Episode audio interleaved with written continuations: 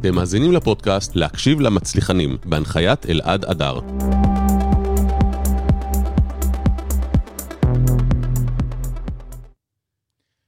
טוב, אחר הצהריים אה, טובים, או צהריים, בוקר, אני כבר יודע, אנחנו פה, תלוי באיזה שעה התעוררנו. אתם מאזינים לפודקאסט להקשיב למצליחנים, בהנחיית אלעד אדר.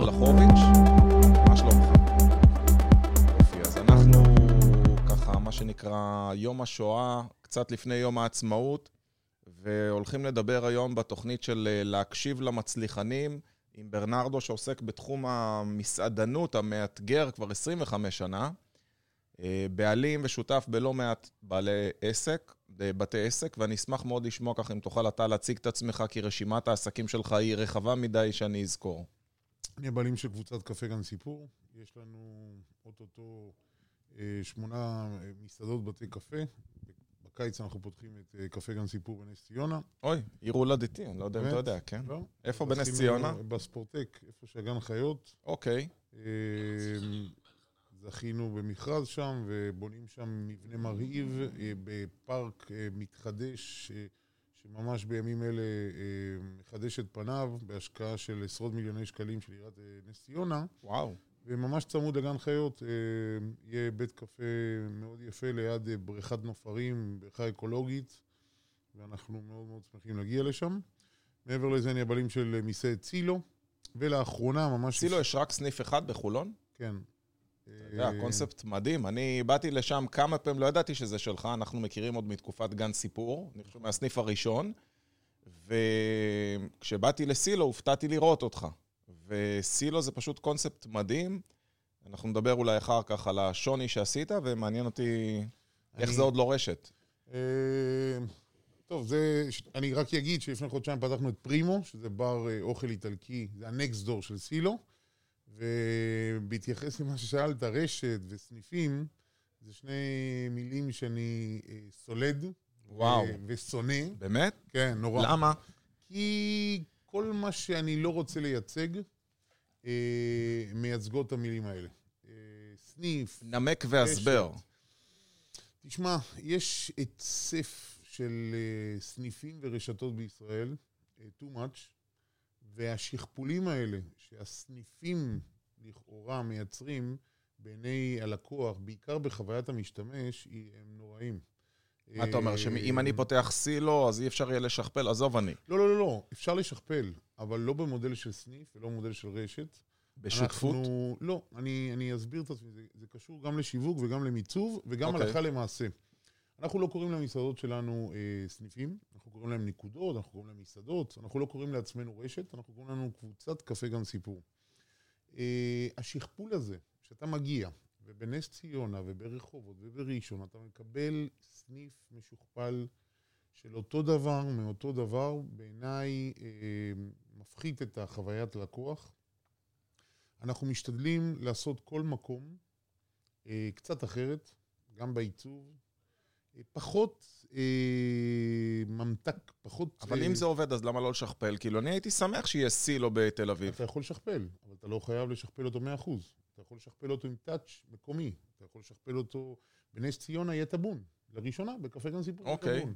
אתה יכול לשכפל אותו עם עיצוב אחר, אתה יכול לשכפל אותו עם קו מנחה אחר, אתה יכול אה, לתת לו טאצ'ים ייחודיים. בירושלים יש לנו בגן סאקר אה, מסעדה מדהימה, אה, אבל אה, כשאתה משדר לעובדים שלך וללקוחות שלך, שאתה לא סניף, ואתה לא מתנהל כמו סניף ברשת או ברשת עם... אה, שתמיד אומרים את אותו משפט ותמיד אתה מקבל את אותו דבר. זאת אומרת, אתה אנטי-תזה לשכפול. אתה אומר, אני לא רוצה להיות מקדונלדס שבכל מקום זה יהיה אותו כן. דבר. אני חושב שמה שיעבוד זה דווקא התאמה לניחוח המקומי, לעיצוב לגמרי, המקומי. לגמרי, לגמרי. וואו. במהות, ב-DNA, מהמם. השכפול נעשה. הלכה למעשה, המהות, כשאתה אומר אה, למה אם... התפריט הוא זה? התפריט הוא זה, יש ספיישלים אה, נקודתיים בכל מסעדה, שהם מתקשרים רק ל- לאותו מקום, אה, שהשף באותו מקום מייצר על... זאת אומרת שאם אני הולך לקפה גן סיפור בסאקר, אני כן יכול למצוא את המנות שמצאתי בחולון, התפריט זה. אבל העיצוב יהיה שונה, האווירה... לגמרי, לגמרי, העיצוב יהיה שונה לגמרי, האווירה תהיה שונה, הפארק הוא שונה, כלומר, אה, אנחנו נמצאים אה, באיזושהי תפאורה אה, שונה לחלוטין, אבל במהות אתה מקבל שכפול, אבל בלי כל הסוכר הזה שנקרא רשת. כמה, כמה זמן גן סיפור קיימת? קפה גן סיפור קיים אה, אוטוטו 12 שנים. שזה נדיר בתחום כן. המסעדנות. בכלל. גם סילו כבר יש לה חוגגת, סילו חוגגת שמונה תכף. שזה מדהים. אתה יודע, בתחום שלכם, אה, לצערי הרב, אה, השרידות היא לא ארוכת טווח. לא. בטח לא אחרי קורונה. אה, תשמע, אה, כל מסעדה שנייה בתל אביב היום נסגרת בשנתיים הראשונות לחייה. התחום שלנו הוא קשה לא רק בארץ, גם מחוץ לישראל. אה, זה אקרובטיקה לא פשוטה. אני לא מכיר הרבה אנשי מקצוע שצריכים להתמודד כמו מסעדנים עם כל כך הרבה תחומים ולהבין בכל כך הרבה תחומים. מתברואה, דרך שיווק, דרך קולינריה, דרך ניהול מלאי, דרך טיפול בתלונות, דרך... אה, אה, אה, יחסי עובדים, וכל כך הרבה תחומים שאנחנו נאלצים להתמודד על בסיס יומי. מה לדעתך התחום הכי מאתגר היום, שבעלי מסעדות, רגע, אני אחדד את השאלה, לא הכי מאתגר, אלא שנופלים בו הכי הרבה, זאת אומרת שהם לא יודעים שזה מאתגר אותם, הרי כולנו יודעים שבתחום מסעדות יש בעיית כוח אדם. שנלחמים על הפודקוסט כל הזמן. יש דברים שהם כאילו טריוויאליים. אתה יושב עם כל מסעדן, הוא מקטר לך על הכוח אדם, אבל איפה לדעתך אחד הדברים שדווקא בעלי מסעדות, או מי שנכנס לתחום, הוא לא צופה את זה? אני אחלק את התשובה שלי לשניים. אחד, אה, כמסעדנים וכמערכת, אנחנו אה, לא מספיק אה, משקיעים אה, בכוח אדם שלנו, אה, וגם לא בעצמנו כמסעדנים. כלומר, היום אה, אני אחת לשבועיים, שלושה, מקבל איזושהי פנייה ממישהו שרוצה להשקיע, או רוצה להשקיע עבור הבן שלו, וחושבים שמסעדנות זה... שזה העתק הדבק. כן? כן, יש לי מיליון, שתי מיליון שקל. השתחררתי מכוחות הביטחון, קיבלתי פנסיה, בואו נעשה משהו לבן שלי. מסעדנות, אנחנו צריכים להבין כמסעדנים, אני אומר, לא כלקוחות. זה מקצוע. ונדרש. נדרשת פרקטיקה, נדרש ניסיון, ונדרש אה, להתגלח על עבודה. אז קודם כל, לנו, המסעדנים והשפים והטבחים, כי יש יותר מדי שפים, יש מעט מדי טבחים, לצערי. מה ההבדל, למי שלא אה, מכיר? ההבדל הוא עשרת אלפים שעות עבודה. אה, זה בדיוק אה, בענף שלך, שכולם יועצים. כן. אבל כמה יועצים באמת יעצו עשרת אלפים שעות עבודה? לא הרבה. אז... אה, אבל להוציא כרטיס ביקור אין בעיה. הכי קל. לפתוח, היום זה נקרא כן, לפתוח דף פייסבוק. למתג, כן. ולעשות את כל התפאורה, ואני קורא לזה עטיפת מתנה. עטיפת מתנה זה בקלות. אתה פותח מסעדה יפה, חסרת תוכן, ואתה נכנס למסעדה, ואתה מבין, ואתה שואל את עצמך, למה פתחו את המסעדה הזאת? בשביל למכור את אותו סלט בנאלי שיש בכל מקום, בלי מחשבה, אתה יודע מה, אפילו בלי חוט מקשר בין הקונספט, השם של המסעדה, ה-DNA של המסעדה, למה שמגישים בפועל לפעמים. זה לדעתך כי הם לא לוקחים אה, יועץ קולינרי בהתחלה, לא לוקחים יועץ עסקי, זה כי הם לא באים לפני זה. מהתחום? כי מה? תראה, יועץ קולינרי אפשר עוד לקחת אה, בזכות כסף, וגם אה, יועצים בכלל אפשר, אבל צריך להבין במטריה. כשם שאתה לא תלך לקרדיולוג שלא עשה פרקטיקה ארוכת שנים, או עורך דין שלא עשה, או אתה יודע מה, אה, יועץ עסקי שעשה כברת דרך, אתה לא הולך למסעדן, או לא פותח מסעדה, אם אין לך כברת דרך של קילומטראז' של כמה ניסיון. זמן אתה ממליץ לבן אדם? אתה אומר, אם אתה רוצה לפתוח, הרי מה הבעיה? באמת באים אנשים שפתאום קיבלו סכום כסף, נשמע להם מגניב, זה גם אחלה פאסון. להגיד, שומעים, פתחתי מסעדה, תבואו אליי, תשבו אצלי, אתה יודע, זה המון אגו. והם לא אוהבים לעבור את הדרך הקשה בדרך, לכן הם דווקא נופלים אה, כפרי בשל לכל אלה שמוכרים להם זיכיון, ואומרים להם, אה, זה קופי פייסט, בוא. תעשה, אני מוכר לך את הכל. מכיר את זה, אני פוגש אותם פה בוכים אחר כך. כמה זמן אתה אומר, וואלה, אם החלטת להיכנס לענף המסעדנות, לך תעבוד אצל מישהו?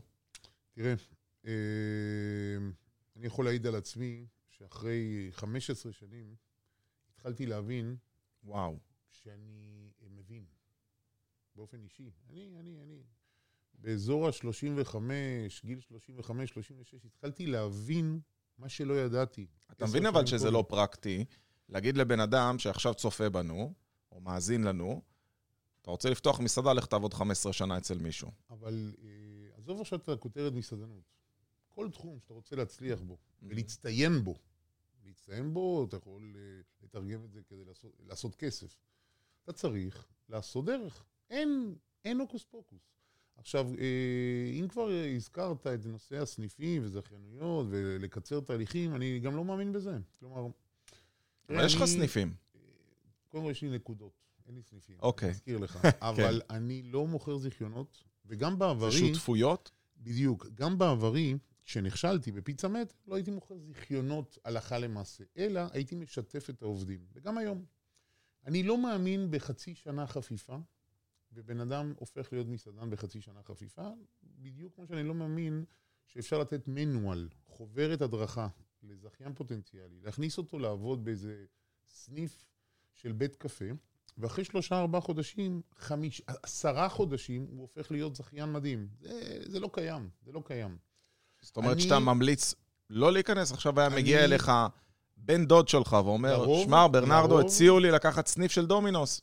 לרוב אני ממליץ לא להיכנס, אה, לרוב אני ממליץ לקחת אה, כמה שנים אה, ולעשות דרך כשכיר, להבין את המערכת, קודם כל להרגיש אם בכלל זה מדבר אליך ואתה אוהב את זה. שמע, זה כל כך לא המנטליות הישראלית. אנחנו מסכים, רוצים כאן, מסכים, עכשיו, מהר, מסכים. בדבום. אני גם יודע הכי טוב, אני לומד מהר, אתה יודע. זה, זאת בדיוק הבעיה שלנו. אז בוא נתחיל מהסוף. ספר על פיצה מטר.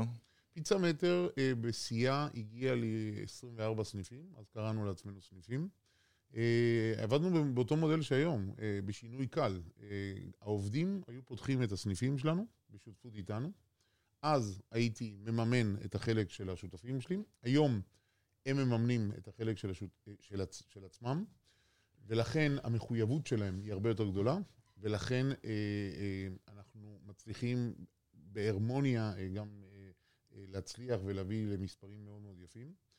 היינו לוקחים עובדים אחרי שנתיים, אחרי שלוש שנים, כמו שהיום בקפה כאן סיפור, והופכים אותם לשותפי, לשותפים לדרך.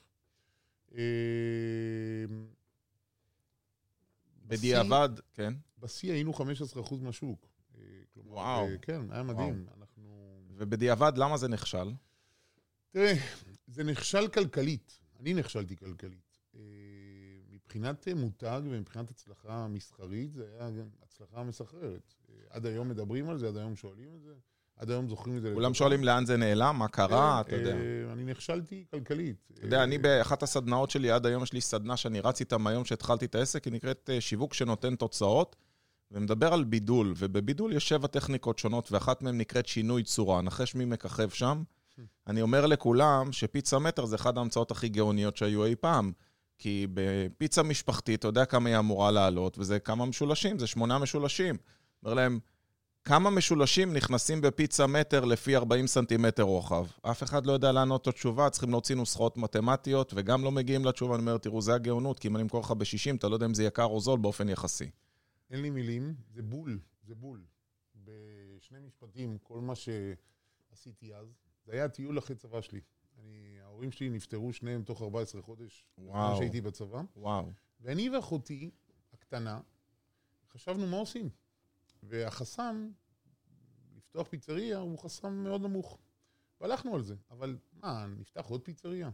עשינו סקר שוק. אתה יודע, לא קראנו לזה סקר שוק, היינו ילדים בני... כן, 21. בדקתם. בדקנו. בד... הבדקנו הזה עלה לי ב-15 קילו. כי באמת בדקתי. אני בן אדם יסודי, בד- בדקתי שמע, עד הסוף. נשמע לי בדיקה שווה. תשמע, הגעתי כל יום בשיא- פיצריה אחרת. הגעתי בשיא, כל יום שתיים. הגעתי בשיא ל-194 קילו, 196 קילו. אז אני אומר לך, כשאני אומר לך בדקתי, וואו. בדקתי. זה נשמע קצת יותר מ-15 אה, קילו עלייה. אה, לא, זה היה 15 קילו, אבל... מאיפה שהיית. כן, מאיפה שהייתי. אז אהבת פיצה עוד לפני. בדיוק. אה, פשוט הלכנו וסימנו לעצמנו את השוק. וגילינו מה שאתה גילית, אבל גילינו שכולם משתמשים באותו שיטת מכירה של גדלים, לפי, תקרא לזה מידות של חולצות. כולם מגישים את אותו מוצר עגול, כולם מגישים את אותו תפריט בנאלי של תוספות של פטריות, תוספות של זיתים וכולי וכולי, והגדילו לעשות וכולם אפילו היו משתמשים, או רובם, היו משתמשים בצבעי איטליה. אדום, ירוק, לבן, הרוב הגדול. אה, התחלנו לסמן, ופשוט אה, כל מה שגילינו במחקר הדל שלנו, עשינו הפוך. הם עגולים, אנחנו נהיה מלבנים. הם אקסטרה לארג', מדיום, לארג', אנחנו נהיה, מה נהיה, אתה יודע מה, בוא נמכור את זה לפי מטר. רבע מטר, חצי מטר. וככה עלה הרעיון. וככה עלה הרעיון. תראה, אה, בסוף הפיצה הייתה מצוינת. זה היה שיטת אפייה שונה, בצק שנפה בשני שלבים. ברור לי, גם אז היה ברור לי, שגימיק אה, יספיק לפעם הראשונה, לא לפעם השנייה, ובטח שלא לפעם השלישית. הפיצה עצמה צריכה להיות טובה. היא הייתה מצוינת, אבל היא הייתה מצוינת כי אה, נזהרנו מכל המלכודות שהשוק הזה היה רווי בהן. ולדוגמה, כשגילינו וראינו שהפיצות הכי נמכרות זה פיצות עם זיתים ופטריות, אמרנו, זה הדבר היחיד והעיקרי שלא נקדם. והכרחתי את כל הטלפנים ואת כל המוכרנים, וגם את עצמי, שאני הייתי בדלפק, למכור פיצות מורכבות. ואז אני מדבר על סוף, שנות, סוף המאה הקודמת, למכור פיצה מורכבת, שכבר מגיעה עם כל התוספות בילד אין, זה היה עבודה לא פשוטה. מה, כמו ים בעצמם. תיכוני כזה? אתה מוכר קונספט... כן, אה, הייתי, השתמשתי בשמות של ריקודים דרום-אמריקאים, אבל הייתי מוכר פיצה מורכבת. והיינו, לדוגמה, היה לנו את הסמבה עם בטטה מתוקה, שאגב, לפני 20 ומשהו שנים היו שואלים אותי מה זה בטטה מתוקה, זה לא היה כזה... מהפכני. כן, אה, והיינו מוכרים פיצה, היינו מוכרים רק בסניפי תל אביב למעלה מ-100 קילו בטטה ביום יואו. של פיצות עם בטטה מתוקה. אבל היינו ראשונים, לדוגמה, שמכרנו אה, פיצות אה, על בסיס רטבי פסטה. היינו הראשונים ששמנו בולונז על הפיצה. היינו הראשונים וואו. ששמנו, שהגשנו פיצה לבנה, שהיום ביאנקה היא שזורה בכל פיצריה ומסעדה איטלקית. אני מדבר איתך תחילת שנות האלפיים, פיצה לבנה לא היה, זה לא היה, זה לא היה בישראל. מוצרלה לבנה בפיצה, לא היה בישראל. נקניקים שונים ומגוונים, ולא רק פפרוני, זה לא היה בישראל. מתוך מחשבה, שבוא אני אגיד לך בשיא הכנות, פיצה, כשהיא יוצאת מהתנור חמה עם זיתים, כולם. בסוף, תשמע, יותר טעימה, פחות טעימה, כשהן טריות וחמות והכל... הכל הולך. כן, בסוף, למנעד הרחב ביותר של הקהל, הם בסדר כולם. כלומר, צריך להיות פושע כדי באמת לקלקל פיצה עם זיתים שיצא הרגע מהתנור. איך אתה בכל זאת עושה השוואה? אתה שובר את המשוואה. ואתה ציינת, לא רק בשיטת המכירה, גם בשיטת התוספות. מדהים. לשבור את המשוואה הזאת, שיהיה קשה להשוות בינך לבין המתחרים, זה היה האתגר הגדול, וגיליתי את זה אז בלי ללמוד ובלי כלום. שמע, זה חוש עסקי... אה, מאיפה בא החוש העסקי הזה? אני לא יודע. אני, אני גם לא... השראה מרוב הפיצות שאכלת? אה, אני פשוט רציתי להיבדל, ידעתי שאין לי סכום כסף גדול, ידעתי שאני, יש לי ירייה אחת אה, לעשות, ו- ואני חייב לעשות זה אותה. 24 יריות הצליח להיות. תשמע, בחרנו בצבע כתום, שהוא נוראי, הוא גם לא מתאים לאוכל, ובכל מחקר אומרים, אל תשתמשו בצבע כתום כדי אה, לצבוע בתי אוכל. הלכנו הפוך נגד הזרם, הלכתי הפוך נגד כל נקודה אז למה זה. נכשל? זה נכשל כלכלית, לא מסחרית ולא מצוות. מאיזה בחינה? מה, התפזרת עם הכסף? אנחנו, ברשותך, נחפור קצת כן, בכישלון. כן, כן, אנחנו רוצים ללמוד. אתה יודע, בסוף אה. אנשים אוהבים ללמוד. אני אספר לך ככה אנקדוטה קטנה, שאנחנו מאוד אוהבים ללמוד מכישלונות. לא שזה תמיד נכון. אה, בארצות הברית, כשמגישים את העבודות, מביאים ככה את כל העבודות, שמים אותם לפני, המרצה שם אותם לפני, והתלמידים אוספים. ויום אחד הוא תפס את אחד התלמידים, אני מכיר את התלמיד שעשה את זה, הוא היה בחור בן 74 שהוא סיפר את הסיפור. הוא באיזה הרצאה, הוא אומר, הייתי מגיע לפני השיעור והייתי עובר לראות מה כל הדברים שאנשים נכשלו, כדי שאני אלמד מה הם עושים לא טוב. ואתה יודע, אנחנו מאוד אוהבים ללמוד מכישלונות. ואז תופס אותו המרצה. אומר לו, סליחה, מה אתה מחטט במחברות? הוא אומר, תשמע, פרופסור, מאוד חשוב לי להצטיין בקורס הזה, אז אני עובר על כל הטעויות. הוא אומר לו, אז אתה אידיוט. הוא אומר לו, למה? הוא אומר, פשוט תלמד מה נכון במקום ללמוד את כל הטעויות. ועדיין אנחנו אוהבים ללמוד מטעויות של אחרים, אז ברשותך אנחנו נחפור את הטעות הזאת. אני, אם יש משהו שאני אשמח שאנשים ייקחו מהשיחה בינינו, זה שאני, אחרי שנגמרו לי הדמעות, החלטתי לחבק את הכישלון. ו... השלמת איתו. יותר מזה, אני, אני חיבקתי אותו. אני גאה בכישלון שלי. אני חושב שלא הייתי היום ולא הייתי יכול לעשות את התיקון הזה ללא הכישלון המפואר שחוויתי. אה, וחוויתי וגרמתי לו ועשיתי נזק אה, לספקים ואני... כמה הייתה הנפילה? בכסף? כן. אה, כחברה, כמעט תשע מיליון שקל. אה, לקח לי שש שנים לצאת מכל החובות. עשית בעצמך פשיטת רגל? כן, כן, הייתי חמש שנים פושט רגל. שאתה יודע, זה מדהים להסתכל, וזה חשוב, מסר לכל מי שצופה בנו, שגם אחרי פשיטת רגל התאוששת, פתחת עסקים, יש לך סניפים, יש לך מסעדות מצליחות, זאת אומרת, אפשר לעלות מכישלון, והשאלה שלי אליך, זה מה עוזר לך להתרומם ברגעים הקשים? זאת אומרת, אתה בטוח ברגע אמרת דמעות, וזה מרסק. בוא, אתה בשיא ההצלחה, הרשת מצליחה, פיצה מטר, כולם מדברים על זה, סניפים נפתחים אחד אחרי השני, עד שיום אחד בנק מסוים מחליט לעשות לך דומינו, וזה נהיה דומינו. אני מכיר איך זה הולך, טררר, בבת אחת, דומינו זה מילה יפה אחרת, כשאני יושב עם מישהו אחר, הוא אומר שלשול, זה פתאום בורח. ו... וזה מסריח כשזה דומינו- בורח. דומינו זה גם המתחרה של פיצה מטר. נכון, אבל. היה אפקט דומינו, כן. ו... ופתאום אתה מלהיות בגג העולם, הופך להיות לתחתית העולם. איך... אה, המעבר הזה, שאמרת אותו ככה במשפט אה, by the way, הוא מעבר אה, מאוד ארוך, מאוד קשה, ו... שמע, לי לקח... הרבה לילות בלי שינה. לא, זה, זה, זה, זה דמעות, זה, זה להכות על חטא.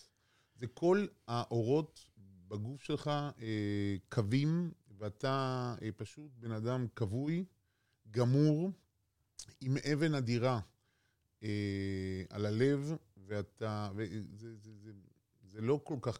זה לא כזה קל. זה לא קל נקודה. זה שנים, שנים של עבודה עצמית, שנים של להחזיר ביטחון. אה, קודם כל, גם בעיני אחרים. אתה כישלון. נכון? לא לא רוצים. לסמוך עליך יותר. לא, לא, לא. אפילו זה יכול להיות המשפחה הקרובה שאומרת, מה עכשיו אתה הולך להיות עוד כן, פעם כן, עצמאי? כן, לא הספיק אה, לך? ה- ה- ה- המחשבה להיות עוד פעם עצמאי או להתחיל עוד פעם בהרפתקה היא מחשבה מרטיטה. אה, אני חושב שלקח לי לפחות אה, חמש, שש שנים להתחיל להניע את הגלגלים ולהתחיל להדליק את מה הנורות. עשית בזמן הזה? שכיר. בענף ענף המסעדנות? כן, שכיר, מנכלתי אה, חברה, עבדתי עבור עדי עזרא מקבוצת נטו, אה, שיש לו חלק בלהחזיר לי את הביטחון, יש לו חלק בלתת לי מושכות חזרה, ויש לו חלק באמון שחזר לי, אה, כי הוא, הוא, הוא נתן לי, הוא נתן בי את האמון. אבל אה, בסוף זה עבודה עצמית, זה שנים, שנים, כשאתה אומר עבודה עצמית, אני לא אניח לך. מה אתה עושה? אתה צופה, אז לא היה נטפליקס, אבל אתה צופה בסדרה, אתה הולך לים, אתה עושה יוגה, לא, אתה בוא לוקח נחזור- מנטור. בוא נחזור לבסיס. קודם כל אוקיי. אתה אה, מסביר לעצמך וכותב לעצמך, ואני כותב הרבה לעצמי, למה נכשלתי? בוא נבין, בוא נבין, אתה יודע, אני תמיד, אני גם היום למנהלים שלי אומר, יש לנו בעיה עם לקוח, בוא נבין איפה אנחנו טועים, בוא נבין למה אנחנו לא מספיק טובים. עזבו עכשיו, הלקוח, המזג האוויר, התנאים, הלקוחות, יום שבת, כל הסיפורים האלה לא מעניינים. בוא נבין איפה אני, כברנרדו בלחוביץ', טעה עם פיצה מטר. איפה היו כישלונות שלי? והתחלתי לפרוט אותם, ואני יכול להגיד לך אותם. אחד, אה, לא הייתי מספיק טוב. לא הייתי מספיק טוב מקצועית, לא הייתי מספיק טוב מספרית. היה לי רואה חשבון שלא הקשבתי לו, ואני חושב שזה א' ב'. כשאתה לא ער למספרים, לא מכיר את המספרים, לא מודע לבסיס החשבונאי של העסק שלך, זה, תשמע, זה... נועד לכישלון. בסיס רעוע מאוד לעסק. מעבר לזה, ההוצאות וההכנסות לא היו זהות. נכון שחוויתי אינתיפאדה, ונכון שבניתי על עסק. מה הלך הכי הרבה כסף, להערכתך? איפה אה, היה הפיזור, הפזרנות הכי גדולה? קודם כל על פרסום. בנינו מותג ענק, באמת מותג שעקף גם את המותגים האמריקאים, את דומינוס ופיצה האט. אני עקפתי אותם לא רק במספר סניפים, אני חושב שעקפתי אותם בזמנו גם בנתח שוק. אה, אל תשכח ש-50% מהשוק ב-day one זה הרשתות הקטנות, זה הפיצריות העצמאיות הקטנות בשכונות. המקומיות, כן. כן, כל הרשתות הן פחות מ-50 אחוז, ואני חושב, אני עקפתי אותם גם במספר סניפים וגם בכוח. עשינו אירועים מדהימים, כמו בטעם העיר, כמו בימי סטודנט, היינו מותג מדהים, ישראלי, עם המון חוצפה ו... ו... ומיתוג נכונים. אה, אם תרצה, נפרט על זה בהמשך, כל מיני רעיונות שיווקיים שעשינו בצורה ייחודית ומבודלת מאוד. אבל הפרסום, אה, שם איבדתי את הרסן, והתנהלתי בצורה לא שקולה ולא נכונה. אה, מעבר לזה, לא הקשבתי לרואה חשבון שלי, לא הייתי ער למספרים ולא ירדתי לעומקם. זה יפה שאתה לוקח אחריות ולא מאשים, אני חושב שזה אחד הדברים הכי חשובים אם רוצים להתאושש. כי כשאתה מאשים, אתה אומר, ראיתי תוצאה, אז אתה לא יכול לעשות כלום, יכול להיות שזה יקרה לך שוב. אבל אם אתה באמת מבין, וזה מה שעשית, חקרת, אתה אומר, רשמתי והבנתי, וברגע שהבנת, אז גם מוששת ככה את עצמך, כי אמרת, וואלה, הנה פה יכלתי להיות יותר טוב, פעם הבאה אני אתקן. אני חרד מהיום הזה, שזה יקרה לי שוב. אני היום אה, מומחה במספרים של העסק שלי. אני... איך למדת? איך שיפרת את זה? קודם כל למדתי על בשרי, כמו שאתה מבין, אנחנו יושבים פה... מניסיון. מניסיון, מניסיון קל. למדתי על בשרי, אה, גם למדתי איך אה, לתקוף את זה. כלומר, הבנתי שאם אתה נותן value for money טוב, ואתה מספיק מבודל, ועושה אה, מוצר חווייתי, הפרסום הוא לא must. כלומר, יש דרכים אחרות לקרוא לפרסום פרסום. ברור, היום רשתות חברתיות יעשו לך תענוג אם, אה, אבל אם הדבר- המוצר הוא טוב. נכון, אבל הדבר הכי חזק זה הלקוח עצמו.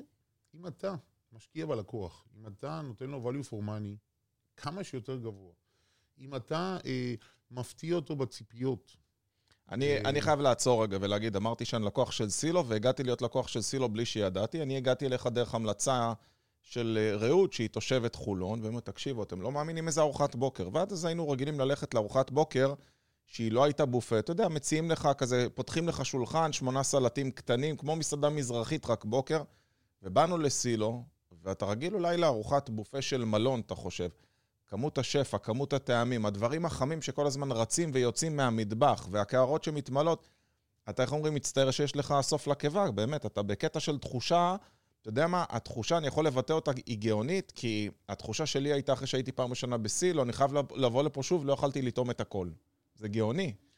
ה-value for money בסילו ובקפה גן סיפור הם מאוד גבוהים. אה, זה הדרך פרסום שלנו. כלומר, תקציב הפרסום שלנו עומד על אפס. מדהים. תקציב הפרסום הקלאסי עומד על אפס. אנחנו משתדלים אה, אה, להפתיע בצלחת, ולא רק בארוחות בוקר. אהבתי, תפתיעו אנחנו- בצלחת. כן, תפתיעו בצלחת, תפתיע בשירות. ה X factor הזה, שאתה יכול בשירות, אני אתן לך דוגמה.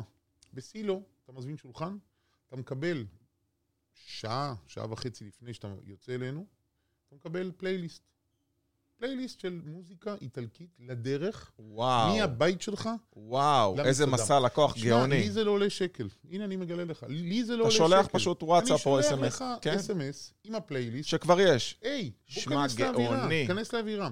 לכן אני אומר שלפעמים אה, האקס פקטור לא קודם כל לא לפעמים, לרוב האקס פקטור האמיתי והמדהים הוא לא עולה כסף. הוא פשוט אה, עניין של מחוות, מחוות קטנות. אתה יודע כמה אנשים בטוח מדברים על זה, שהוא אומר, אתה לא מאמין, אני עמדתי להתכונן ללכת למסעדה, קיבלתי מוזיקה לדרך. קיבלתי מוזיקה לדרך. תקשיב, זה כל כך פשוט שמי ששומע את זה ולא עושה את זה בעסק שלו, ואתה חולק את זה עם כולם, איך אומרים, שיעתיקו אם זה עובד, למה לא? אה, וברוב אה, חודשי השנה זה פלייליסט איטלקי, אבל אנחנו גם יכולים אה, לקראת יום אהבה לשלוח שירי אהבה, לקראת אה, חגים לשלוח אה, שירי חגים, כלומר אנחנו משחקים עם זה. מדהים. מה הפלייליסט של ספוטיפיי, של יוטיוב? כן, מה אתם כן, כן, של ספוט- ספוטיפיי.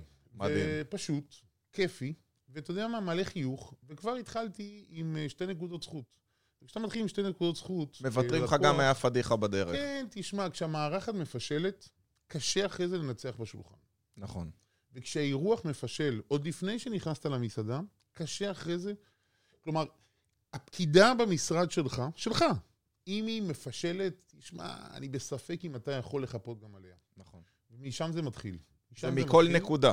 ותשמע, אני אלוף במסע לקוח, אני מלמד לקוחות, ועל דבר כזה לא חשבתי, שאפו. ו- ותדע לך שכשהמארחת שלך, סליחה שאני אה, כן. קורא לה מארחת, אני לא חושב שזו מילה גנאי, אבל כשהפקידה שלך בדלת עושה אה, איזושהי מחווה יוצאת דופן, תשמע, אתה אחרי זה...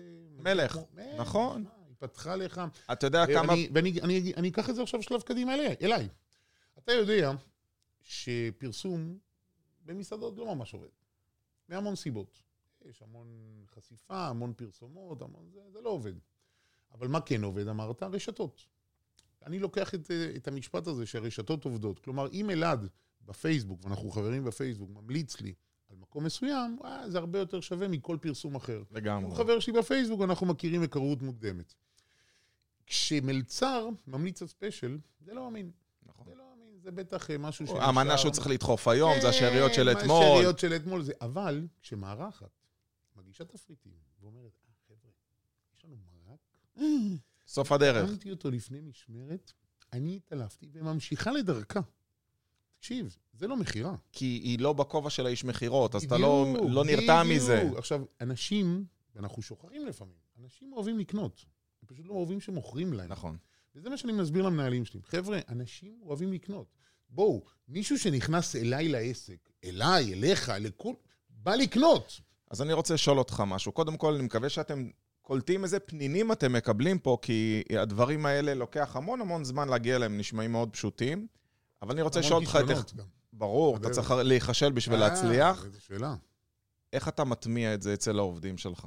איך אתה גורם? הרי אנחנו יודעים שכוח אדם, אמרנו, זה אחד הדברים הקשים, והדבר השני שקשה זה לקחת את הכוח אדם ולהכניס אותו לתוך סוג של תבנית, של נהלים, שבאמת המארחת תגיש עם חיוך ולא תזרוק את התפריטים, אם בכלל מתייחסת, ועוד שתגיד משפט, מי כמוני יודע כמה זה קשה, לא פעם נאלצנו להשתמש במשפט שעובד מקשיב דרך הכיס, שאם לא תתגמל אותו, עכשיו אני מטפל באיזה רשת מזון מיני-מרקטים, והקופאיות הן נגד המועדון לקוחות שעשינו, הן לא אומרות אנחנו לא מתוגמלות, אבל מה אתה מפיל עליהם עכשיו עוד אה, שלושה שדות של הרשמה באמצע הקופה? זה מעכב לה את התור.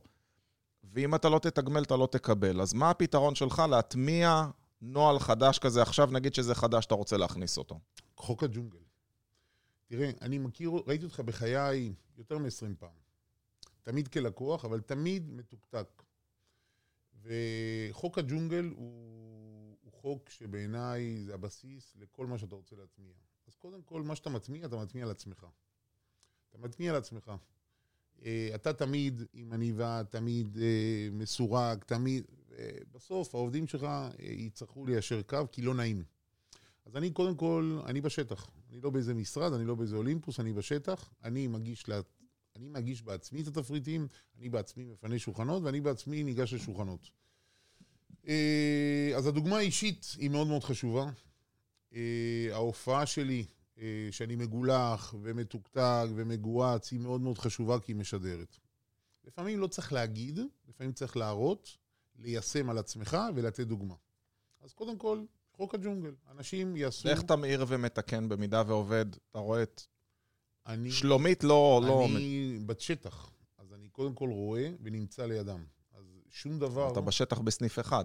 כן, אבל אל תשכח שאין לי שכירים שמנהלים. אה, סניפים, כמו שאתם אה, אוהבים להגיד. נקודות. נקודות, בדיוק. יש לי שותפים. השותפים האלה נחשפו אליי שלוש-ארבע שנים. ספגו. ספגו DNA. הם יודעים לשכפל את זה, וגם הם נמצאים בשטח. אין לנו משרדים, יש לי משרדים, אני לא מגיע אליהם, אני בשטח. אני בשטח, נותן דוגמה. יש לנו מנהל תפעול, יש לנו שף, יש לי שותף, יש לנו שותפים שהם נותנים דוגמה ומעבירים את התורה. אבל מעבירים את התורה קודם כל על ידי דוגמה אישית. אנחנו לא אנשי אקסל, אנחנו אנשי שטח. אנחנו עומדים במסעדות, לא יושבים על כיסא ושותים קפה, ונותנים שירות ונותנים דוגמה. זה כאילו שיש לך מישהו שכל הזמן מדגים לך. לא מדגים לך, הרי מה עושים בישראל? מדגימים פעם ראשונה, מדגימים פעם שנייה, פעם שלישית כבר עושים את זה עם קצת חוסר סבלנות, וזהו, כאילו שזה מספיק.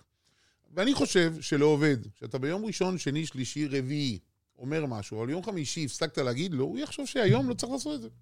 אז אני אומר לו, אתה תיתן דוגמה כל הזמן. והעובד שלך ייתן דוגמה כל הזמן, והמנהל שלך ייתן דוגמה כל הזמן, ועד שזה נכנס, וכולם נותנים עד דוגמאות. שזה יוטמע כמו שצריך. וכול, וממשיכים לתת דוגמה, אה, אנחנו לא קוראים לזה דוגמה, אבל ממשיכים לתת דוגמה במרכאות כל הזמן, כדי שכל הזמן זה יהיה פרקטיקה שחוזרת על עצמה.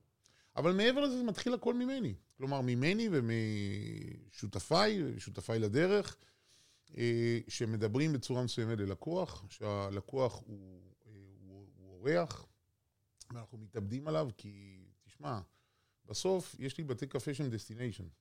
אה, לא עוברים במקרה בגן סאקר בירושלים. אף אחד לא עוצר את האוטו, כי אין ממש חנייה. רק שיבינו שהכוונה היא מקום שאתה נוסע אליו במיוחד. זה כן, לא... זה- לא לא ירדת. פה לאכול... אין לי, מסעדות או בתי קפה בקווי חנויות או במרכזים מסחריים כמעט, אה, חוץ מקריית אונו נגיד, בפארק רייספלד, אבל אה, אנשים מדליקים את האוטו ונוסעים... ובאים במיוחד. זאת אחריות מאוד כבדה, אנשים באים במיוחד, חוגגים אצלנו אירועים, כשאני אומר אירוע זה יכול להיות יום הולדת עם ארבעה חברים, וזה יכול להיות עם ארבעים חברים. זה כבוד גדול, אבל זאת אחריות מאוד גדולה, ואנחנו צריכים להחזיר אה, באותו מטבע, אה, ולהעניק חוויה. והעניין הוא לתת דוגמה. זה מתחיל מהדוגמה האישית, זה מתחיל מהקפדה על קטנה כגדולה, כי בגדולות כולם גדולים, אבל בקטנות זה מתחיל להיות יותר קשה. מישהו עשה פדיחה, אתה מפטר מהר? אה, לא, שנייה, יש אזעקה. כן, אנחנו נעמוד.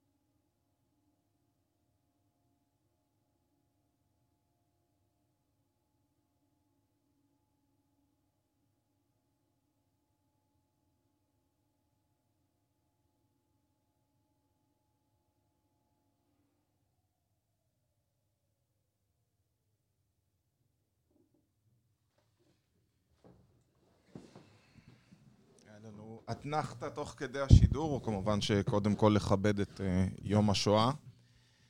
אה, אם אתה. מפטר מהר. תראה, אני לא בן אדם קל. אה, אני לא... זה לא עניין של לפטר. אני לא בן אדם קל, אני לא עושה הנחות, אני גם לא מעגל פינות. אני גם חייב להגיד לך שבסוף העובדים הכי טובים אוהבים מקום מסודר, אוהבים משמעת, אוהבים תבניות, אוהבים... אה, קודם כל, אתה קושר אותם רגשית, אבל איך אתה קושר רגשית? אתה קושר אותם על ידי איזשהו... אה, רגש למקום ומודעות שאתה עושה משהו אחר ומיוחד.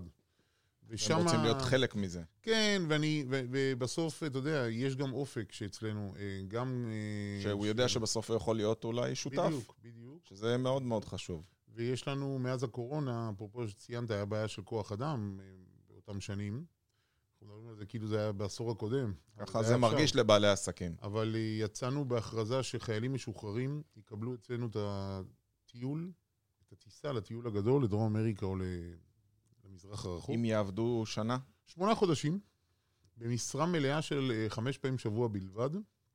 וזו הייתה הצלחה אדירה, זה עדיין הצלחה אדירה, כי אנחנו עדיין מקיימים את זה, ומעניקים מתנה, אה, טיסה, הלוך חזור, לחיילים משוחררים או שירות לאומי, למי שמתמיד לעבוד אצלנו. שמונה חודשים ומעלה. שמונה חודשים, לא, שמונה חודשים, לא ומעלה. שמונה חודשים הם אתה עפים. מקבל. הם עפים.